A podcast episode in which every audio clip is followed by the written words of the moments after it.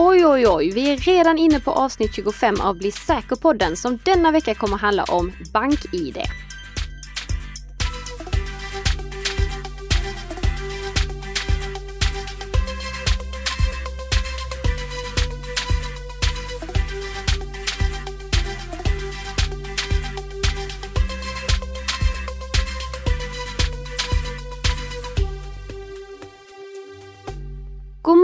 Morgon, god morgon Nika. God morgon, god morgon Tess. Hur står det till? Det är alldeles utmärkt, eh, i alla fall nu när vi har eh, öppnat upp lite här i studion. Vi gjorde en, en provtagning eh, inledningsvis och det blev för varmt så vi har fått öppna upp lite här eftersom det är en väldigt, väldigt, väldigt varm dag här nere i Malmö. Mm, så om man hör lite, lite brus kanske i bakgrunden Ja. så är det ventilen som är igång här. Ja. Ja. Men eh, för att skänka tillbaka någonting eh, utifrån att jag inte skulle kunna eh, kompressa bort ljudet i bakgrunden eh, så får ni numera tidskoder också för när vi kommer till de olika delarna i eh, avsnittet. Det är någonting som har efterfrågats från två stycken nu, att vi ska lägga in tidskoder för när vi kommer till veckans huvudämne. Så om du vill hoppa direkt till någonting, då är det bara att kolla i show notesen så kommer du dit direkt. Och innan vi kliver in, tänkte jag säga, på veckans snabba nyheter så kanske vi ska nämna att den här podden produceras i samarbete mellan Nika Systems och Bredband2. Just det. Mm. Och då kör vi veckans snabba. Ja. Det har varit patch-tisdag. Mm. Har vi några spännande nyheter där? Eh, Den största nyheten skulle jag säga är att det inte kom någon säkerhetsuppdatering till vare sig Adobe Flash eller Acrobat Reader. Alltså? alltså? Det, det brukar det göra varenda, varenda patch-tisdag. Eh, men eh, det har kommit ett gäng säkerhetsuppdateringar både från Microsoft och från Adobe. Microsoft skickade ut 77 stycken och det var två stycken säkerhetsbrister som redan används i aktiva attacker som åtgärdades. Så det är viktigt att eh, direkt uppdatera sin Windows-dator så att den inte är sårbar. Så installera uppdateringarna från eh, Microsoft och Adobe. Eh, Microsoft-uppdateringarna släpptes i vanlig ordning till Windows 7, Windows 8.1 och Windows 10. Men kom ihåg, nu är det bara ett halvår kvar på Windows 7. Så om du inte redan har börjat eh, förbereda för uppdatering till Windows 10, då är det hög tid att göra det nu. Eh, I början av juli fick japanska 7-Eleven lite problem. Ja, det kan man milt uttryckt säga. Kan du utveckla detta? Ja, ehm, vi har ju tjatat jättemycket om hur viktigt det är att ha säkra lösenord till alla ställen man loggar in. Men det spelar ingen roll ifall stället man loggar in på har en urusel metod för lösenordsåterställning. Eh, Lösenordsåterställning är en komplicerad sak, men den kan göras på både bra sätt och på dåliga sätt. Eh, Och sämsta sättet av alla kan man väl säga var det som japanska 7-Eleven hade till sin eh, eh, betalapp 7pay. Ja. Eh, För om en angripare ville eh, återställa lösenordet till en användares konto så att angriparen kunde ta över det, då behövde angriparen bara kunna offrets e-postadress, födelsedatum och telefonnummer. Aj då. Det är helt publikt tillgänglig data. Och det som är det vansinniga i sammanhanget, det är att angriparen kunde välja till vilken e-postadress som han eller hon ville få återställningslänken skickad. Alltså varför? Ja, det, det, det är fel på så många punkter att det, det, liksom, det, det, det, det, det, fin- det, det finns inte. Jo, det, fanns ju. Fanns. Men, men hur är det nu? Är den, är den kvar? Men, nej, de har eller? stängt ner den. Ja. Eh, det fanns väl inte så mycket mer att göra. Nej. Eh, Men eh, ja, eh, lösenordsåterställning är komplicerat och vi hade en diskussion om det i säkerhetsbubblan. Säkerhetsbubblan är det här Facebook-communityt som samlar folk som är intresserade av it-säkerhet där ni lyssnare jättegärna får gå med också. Och vi hade en väldigt bra diskussion där som vi kan länka till från våra show notes där, eh, där ni kan läsa mer om hur olika organisationer arbetar med lösenordsåterställning. Eh, Får jag flika in en sak? Nej, ve- veckans snabba heter det. Ja, veckans snabba Det är snabba. Mm, Ja. Vi går vidare.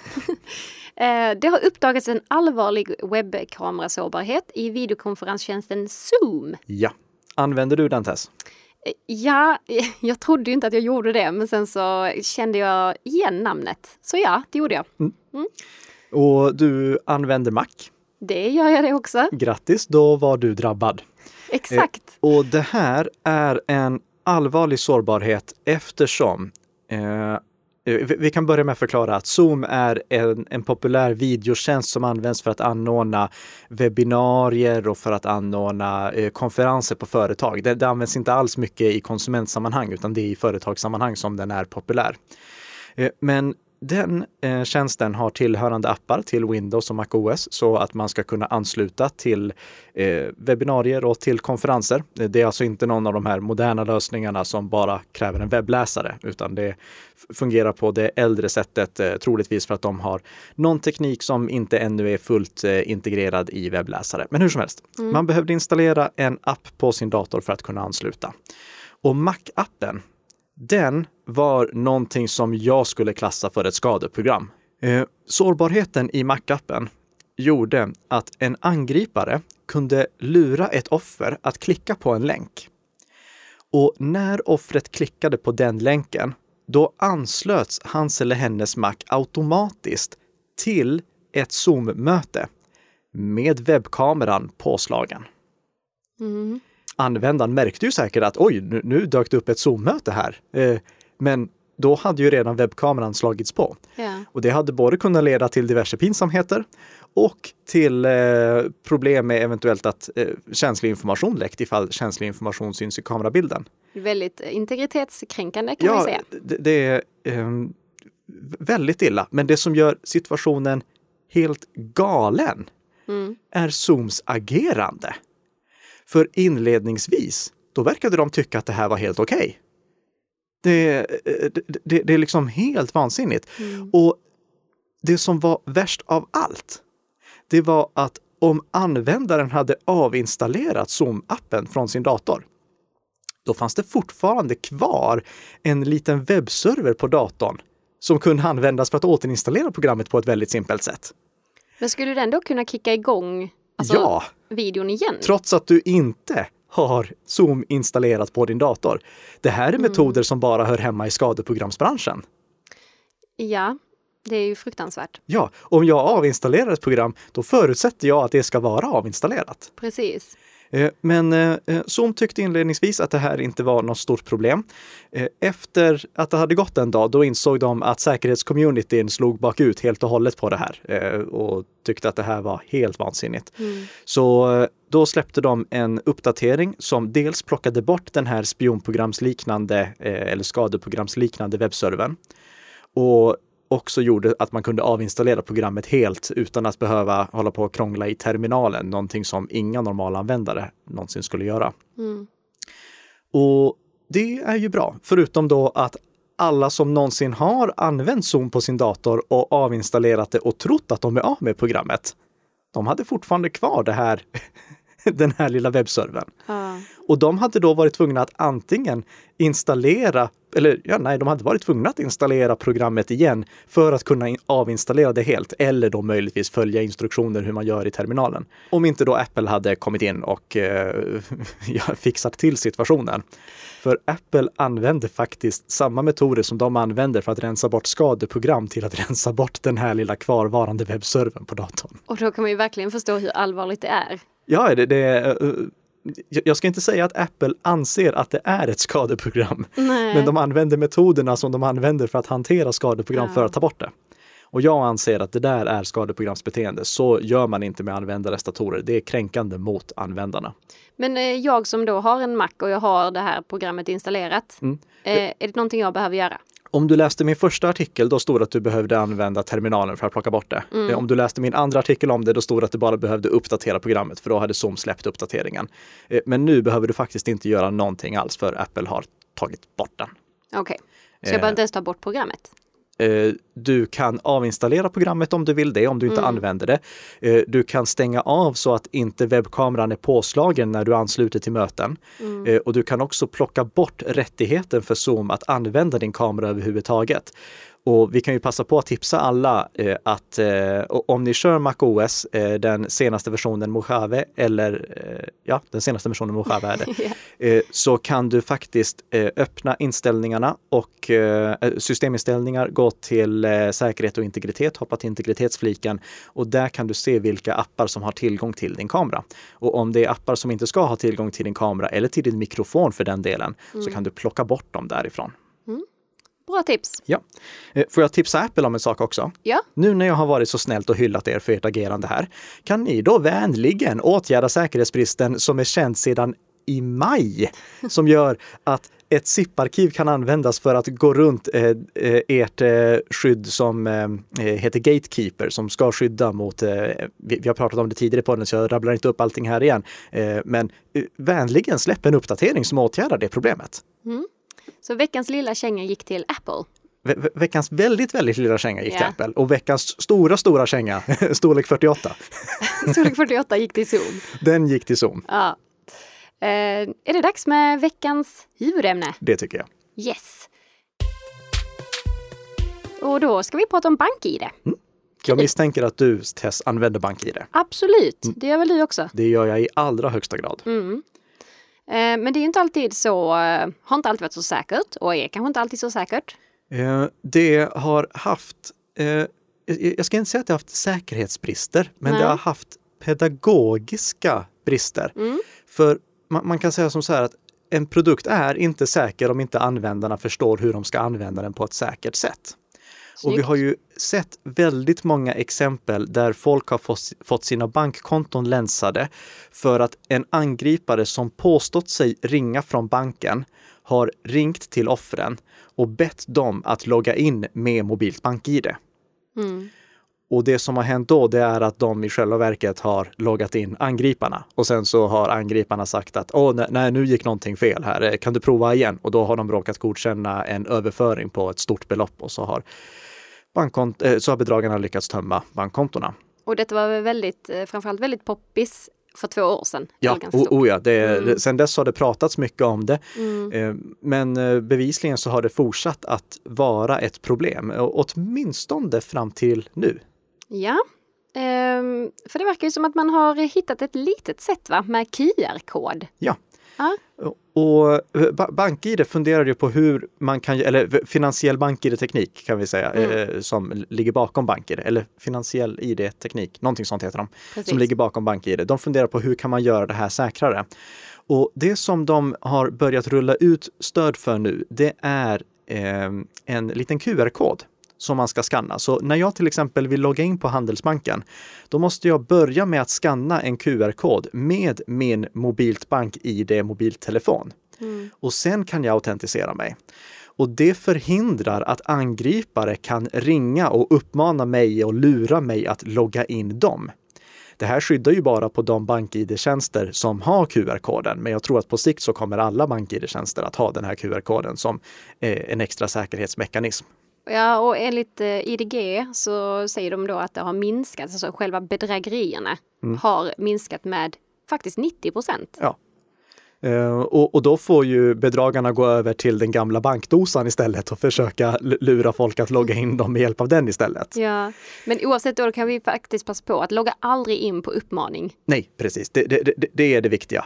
Logga aldrig någonsin in på uppmaning. Och om du ska godkänna någonting med BankID, signera någonting med BankID eller logga in med BankID, då vill du kunna göra det i lugn och ro så att du kan se vad det är som står på skärmen, läsa in och se liksom, okej, det är det här som jag egentligen gör. För du ska komma ihåg att när du gör någonting med BankID, då är det samma sak som om du visar din legitimation och signerar ett papper. Det är den typen av liksom, eh, säkerhet, att du identifierar dig med BankID på samma sätt som du gör med din legitimation och din namnteckning.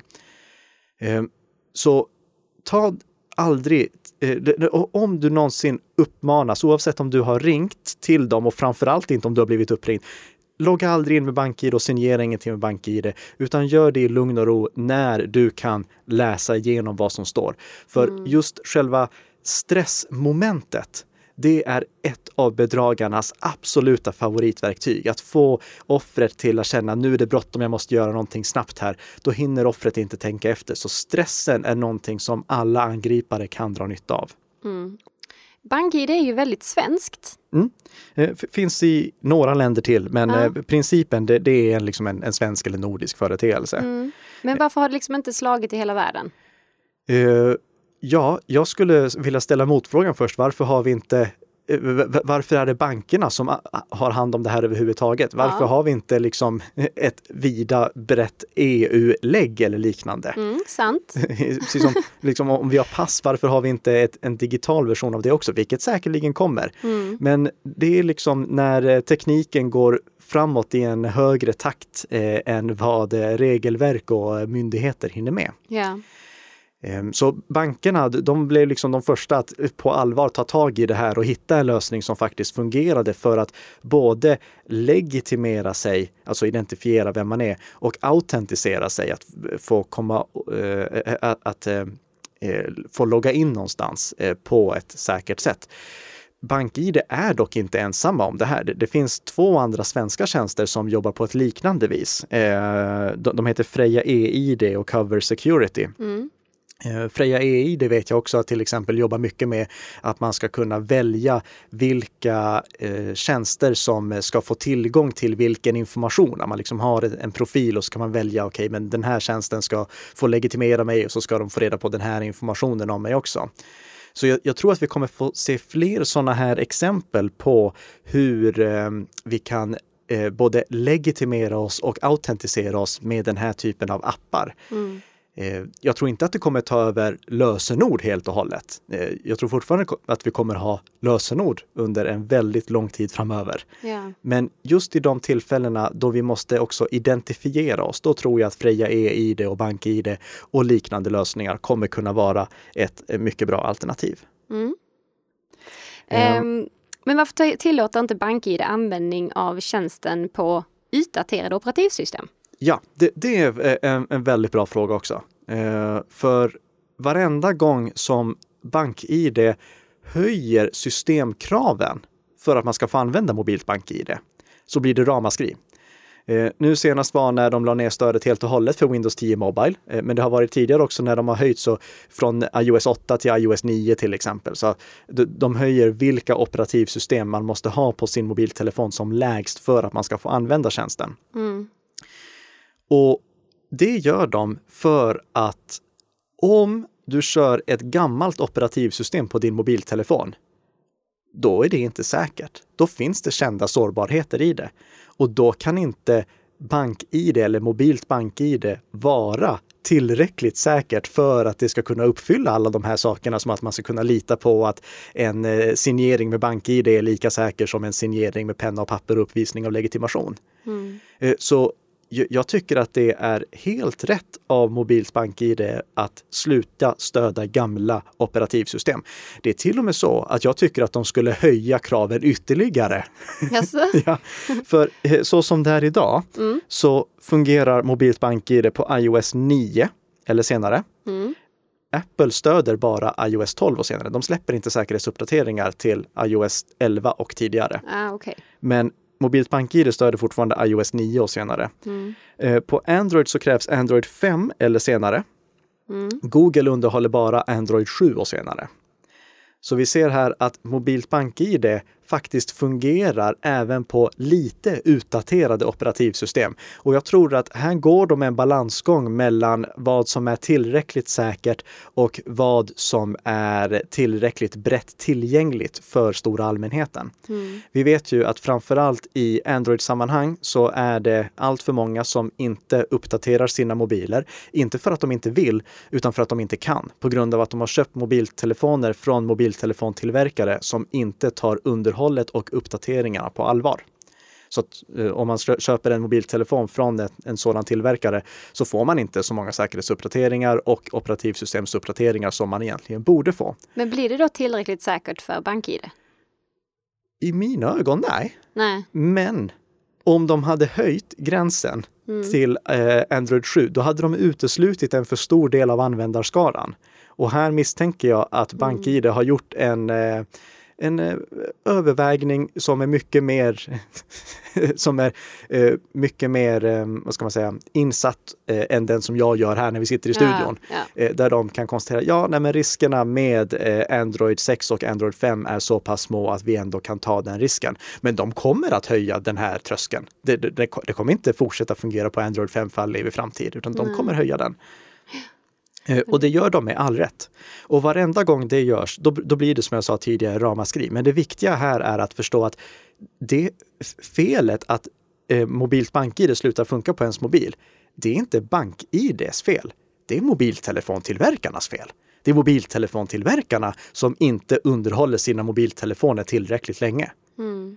Och det är av den anledningen som jag rekommenderar att om man ska köpa ny mobil idag, då ska man antingen köpa en av de mobiltelefonerna som finns på Googles Android Enterprise Recommended-lista. Eh, För eh, på den listan, för att man ska få vara med på den, då finns det krav ställda på mobiltelefontillverkarna kring hur länge de ska underhålla sina mobiltelefoner. Okej. Jag rekommenderar själv att man bara köper pixeltelefoner, vilket vi har pratat om tidigare eh, vilket är Googles egna telefoner.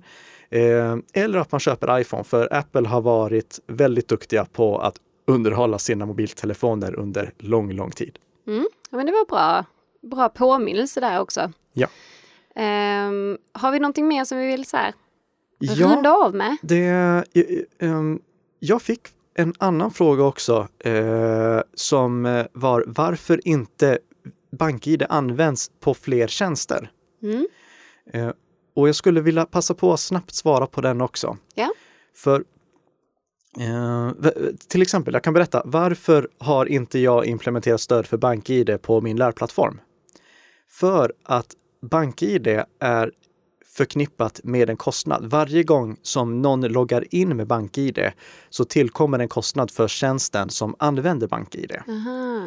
Eh, Den kostnaden tror jag är lägre med både Cover Security och med Freja e-id, men det, det är ändå en kostnad som finns där. Mm. Eh, framförallt då med BankID och det gör att det inte är så populärt. Eh, sen så är det också faktumet att om någon ska logga in på till exempel en, en, en lärplattform eller en eh, videostreamingtjänst eller någonting sånt, då finns det inget behov av själva identifieringsdelen. Att identifiera att du verkligen är du. Det är bara autentiseringsdelen som är relevant, att du kan liksom logga in.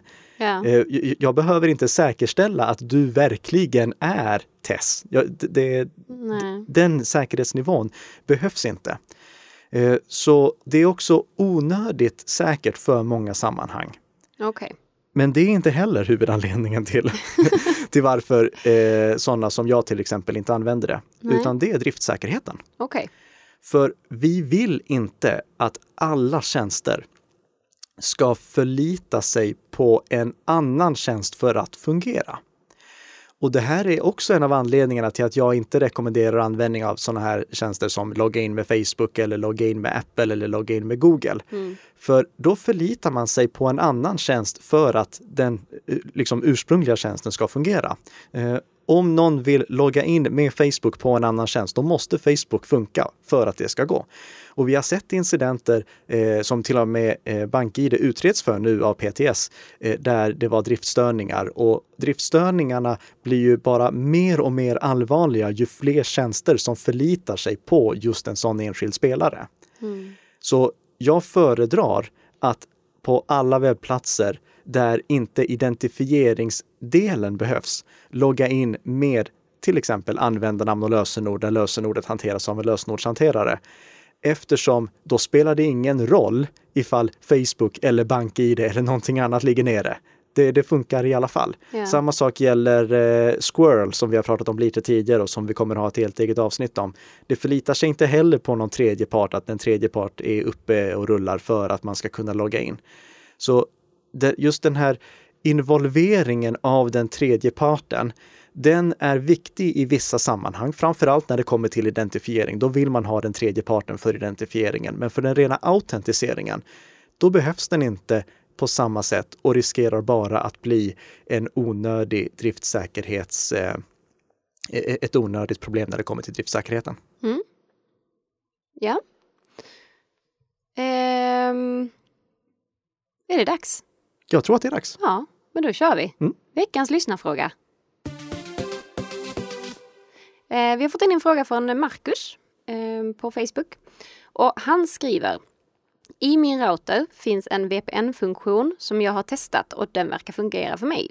Kan man använda en sån funktion utan att äventyra sitt hemnätverks säkerhet? Finns det andra lösningar som man kan använda för att säkert sätta upp en VPN i hemnätverket? Jag är främst ute efter att kunna surfa säkert på, publika wifi, inte så mycket att kunna komma åt hemnätverket utifrån. Mm. Och det här är ju en uppföljningsfråga till förra avsnittet som handlade om VPN, som jag tror att det är vårt mest uppskattade avsnitt hittills. Om ni inte mm. har lyssnat på det, gör jättegärna det. Eh, sen kan jag också säga till eh, Marcus var det va? Precis. Eh, att vi har svarat på mycket av den här frågan i avsnitt 21, så lyssna jättegärna på det.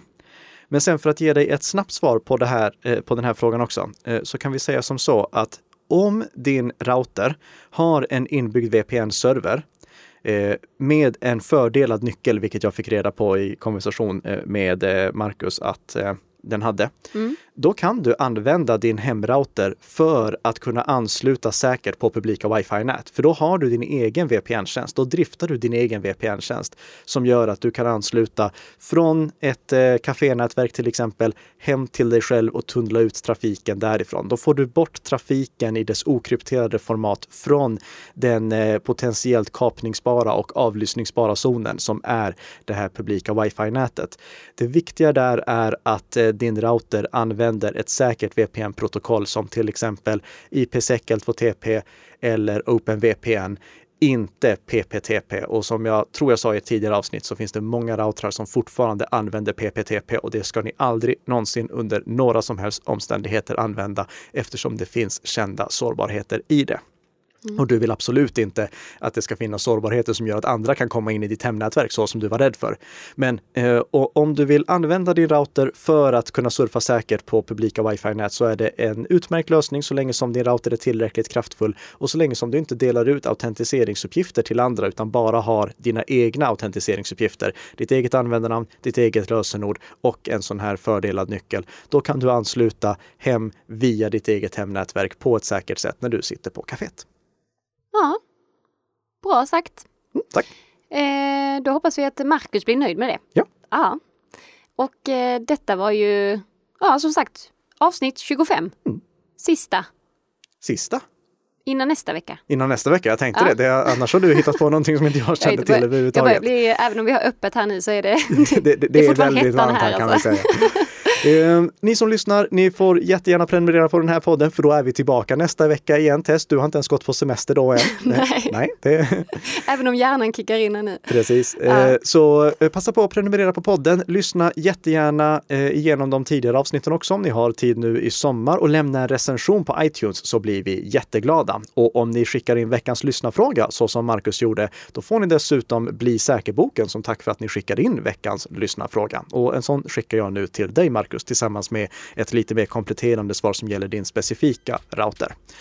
Eh, tack så jättemycket för att ni har lyssnat och ha en fortsatt trevlig sommar i sommarvärmen. Ja, tack tack. Hej då.